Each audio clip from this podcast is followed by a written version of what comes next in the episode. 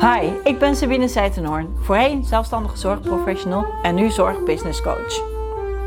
We schreeuwen om zorgprofessionals en zelfstandige zorgprofessionals. Maar het wordt ons zo moeilijk gemaakt om een goed zorgbedrijf op te zetten.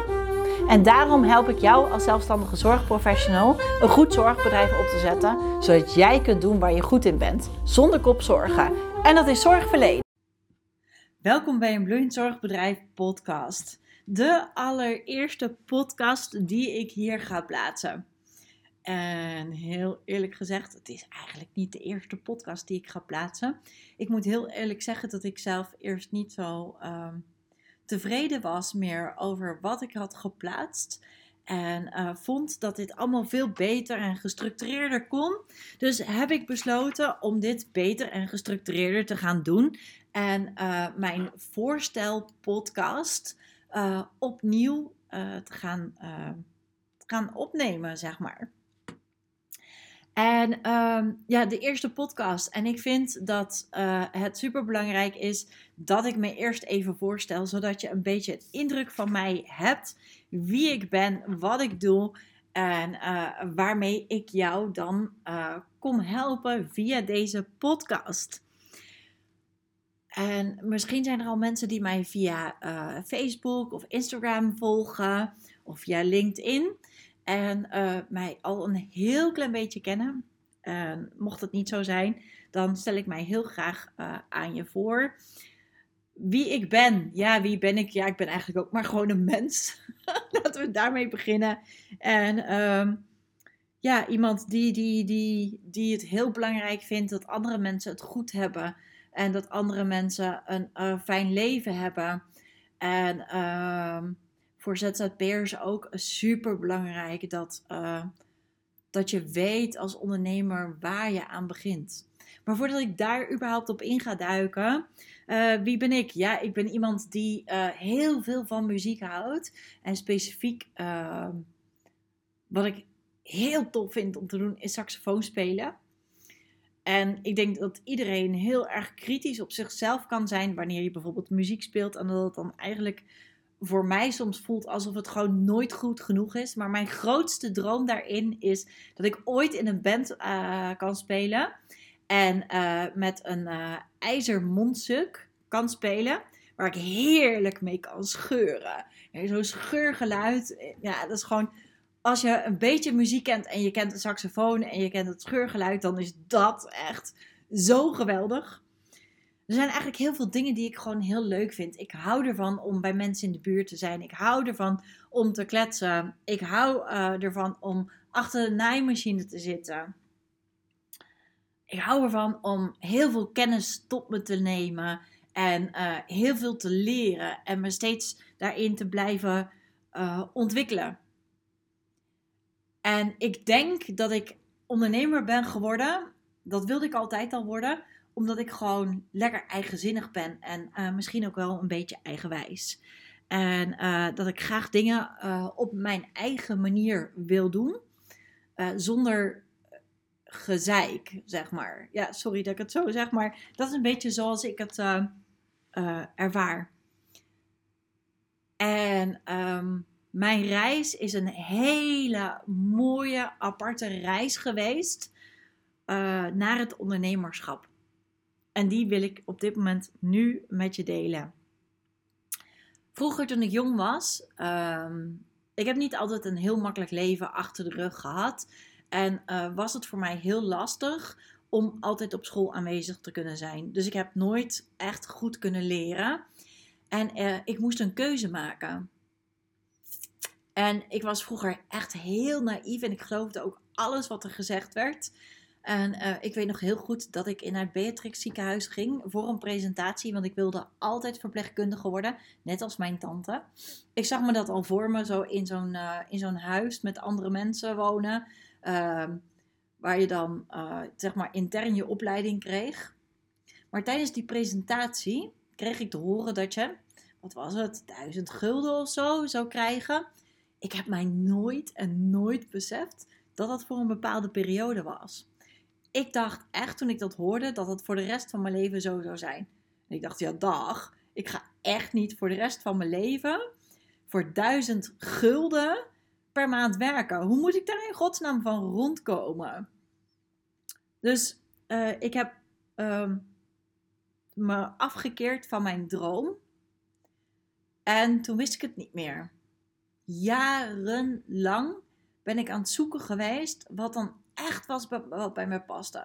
Toen ben ik allemaal dingen gaan doen. Ik ben in een fabriek gaan werken. Ik ben broodjes gaan inpakken. Ik ben frikandellen gaan inpakken. Ik ben bij een leesmap gaan werken. En uh, ja, uiteindelijk 20 jaar ervaring opgedaan als financieel adviseur, senior secretaresse, office manager.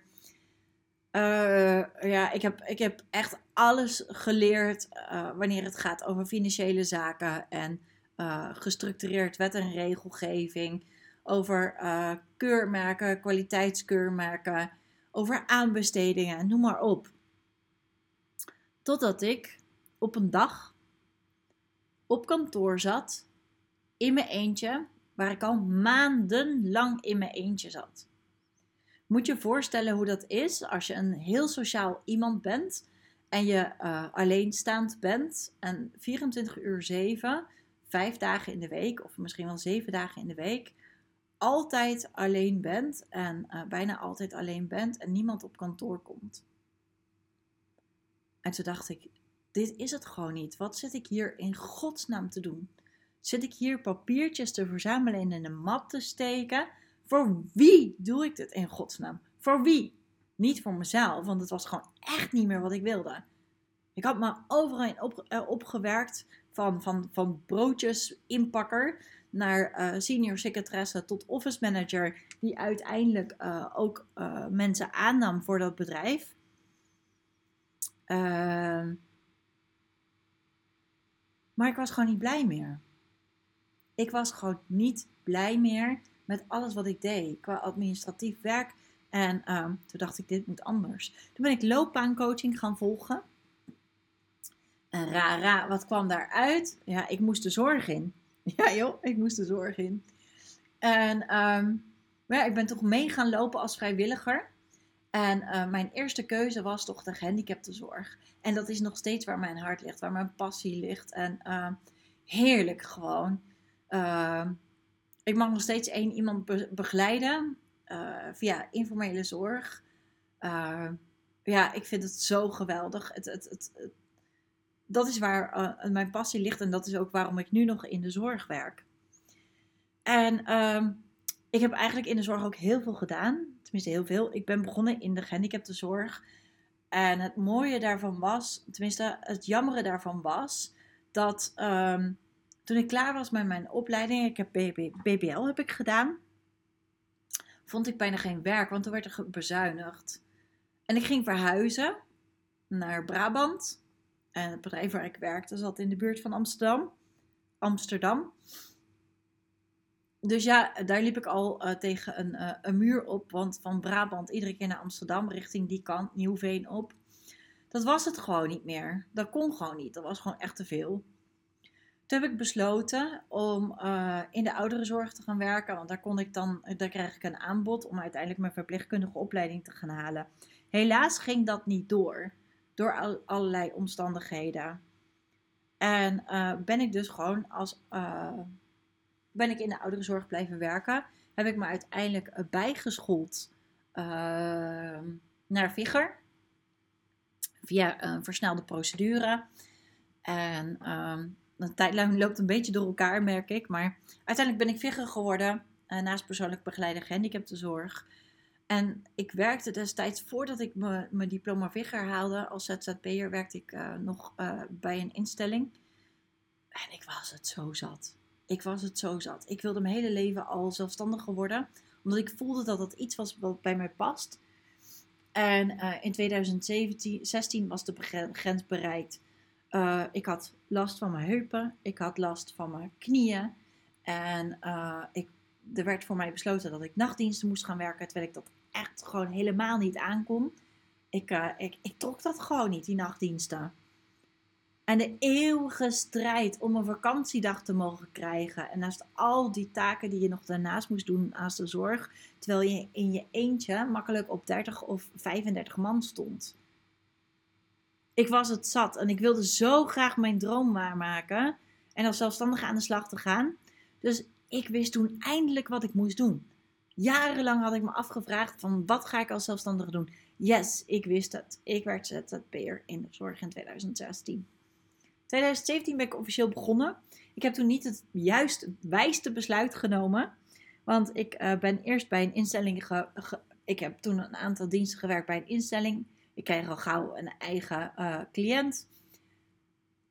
Maar ik was echt een scheiterd op dat moment. Want ik was zo bang dat ik niet genoeg opdrachten zou krijgen.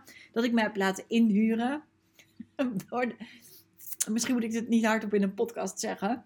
Heb ik mij laten inhuren uh, door, uh, ja, door het bedrijf waar, waar ik werkte. Wat eigenlijk niet zo heel erg bevorderlijk is voor je schijnzelfstandigheid. Want dat is gewoon iets wat je absoluut niet moet doen. Dus als je iets wil meenemen uit deze podcast, ga niet werken bij oude werkgever als ZZP'er. Want dat veroorzaakt echt wel een, uh, een rare verhouding.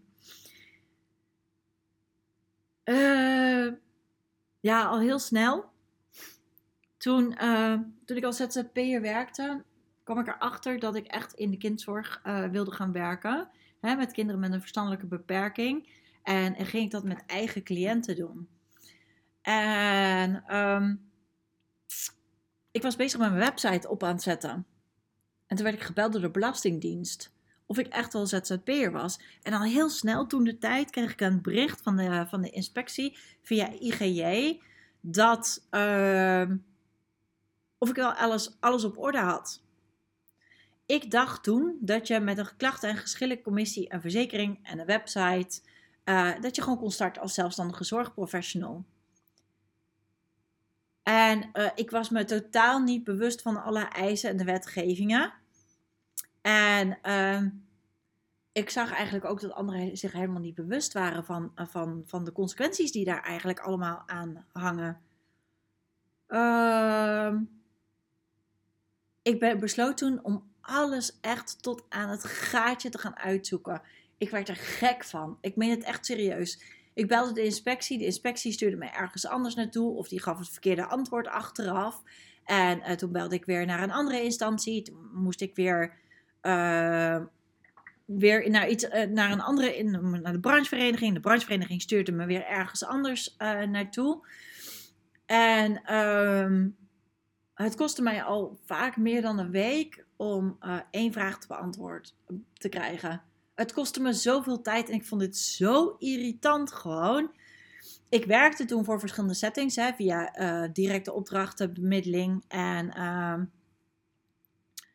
hoe heet het? En uh, eigen cliënten. En iedere situatie bleek ook belastingtechnisch weer anders te zijn. En weer andere wetgeving en andere regels. Ik heb dus echt alles gewoon uitgezocht, omdat ik merkte dat andere ZZP'ers uh, gewoon ook echt niet wisten dat ze dit moesten gaan regelen. WKKGZ, WTZA, uh, wat is dat überhaupt? De WTZA was toen nog niet zo heel duidelijk uh, beschreven. Maar goed, die, kwam er, dus die stond al opgeleid vanaf 2018 zo'n beetje. Die is dan in 2022 echt ingegaan. Ik vond in mijn wet, ik vond al snel zeg maar een, een netwerk bij VWS, uh, bij een branchevereniging en ik had ook contacten bij de inspectie, waardoor ik al heel snel alles uit kon zoeken. En door zelf de, kennis en achter, achtergrond die ik heb, kon ik dit al heel snel vertalen naar de, naar de praktijk. ik zag eigenlijk op dat moment dat heel veel zelfstandigen zich niet besefte dat als je als zelfstandige gaat werken, dat je dus ook een uitvoeringsverzoek moet hebben als je eigen cliënt hebt. Dat je ook moet rapporteren. Uh, en wat, er, wat ik nu op dit moment ook heel vaak zie, wat er fout gaat, is dat, dat zelfstandigen nu nog denken dat als jij via een instelling werkt, dat alles voor je geregeld is. En dat een kwaliteitsmanagement systeem, dat je dat niet hoeft te schrijven. Dat je geen incidentenregistratie bij hoeft te houden. Dat je geen beleid hoeft bij te houden. Ik ga hier nog zoveel podcasts over opnemen. Uh, want niets is minder waar. En ik wil via deze podcast ervoor zorgen dat ik jou kan helpen als zelfstandige zorgprofessional om je bewust te maken van het feit wat ondernemerschap in de zorg voor jou inhoudt. En dan ga ik het echt niet alleen hebben over alle ellenlange eisen, want het wordt ons zo moeilijk gemaakt om uh, als zelfstandige gewoon te kunnen werken. Er zijn zoveel regels en een uitzondering op een uitzondering op een uitzondering om gek van te worden. Dan ben ik echt serieus. Ik word er. Ik, ik hoef het niet meer zelf uh, allemaal in te vullen. Maar ik word af en toe gek van al die regelgeving. En als jij het moet gaan schrijven, snap ik dat, dat het voor jou echt tien keer zo erg misschien wel kan zijn. Om het ook dan te gaan doen. Ik hoef alleen maar mensen te coachen en te begeleiden hierin. En jij moet het gaan doen. Jij moet het ook uitvoeren. Ik, word, ik meen het echt serieus. Ik ben blij dat ik het zelf niet hoef te doen. Niet meer hoef te doen. Uh, en dat ik jou als zelfstandige zorgprofessional via al deze gratis content je echt hiermee mag gaan helpen. En uh, in deze podcast ga ik het hebben over ondernemen in de zorg, over de wet en regelgeving, over wat je als ondernemer allemaal niet tegen kan komen, over uh, zaken die er in de overheid spelen, zodat jij compleet up-to-date blijft en uh, dat je daar gewoon aan de slag mee kunt.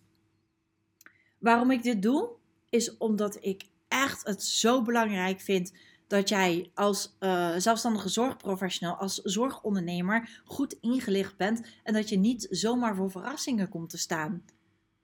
We zijn allemaal mensen en vanuit dat perspectief vind ik het zo belangrijk dat uh, je, je kan niet alles weten, je kan ook niet, niet alles bijhouden. En uh, je werkt graag in de zorg, je passie is de zorg. En niet het lezen van juridische uh, regeltjes, juridische taal en dergelijke. Dus ja, uh, ik wil voorkomen dat uh, zelfstandige zorgprofessionals onverwacht boetes krijgen.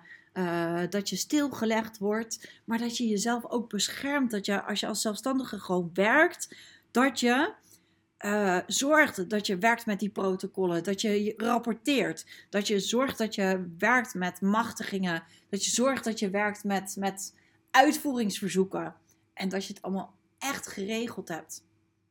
En dat je niet denkt, ik ben nu ZZP'er geworden en voor mij is het nu niet meer nodig. Het zou allemaal een stuk simpeler moeten zijn, maar helaas gaat het dat niet worden. De regelgeving gaat steeds scherper worden en een stuk, uh, stuk strakker aangelegd worden. En uh, ik denk dat het nodig is.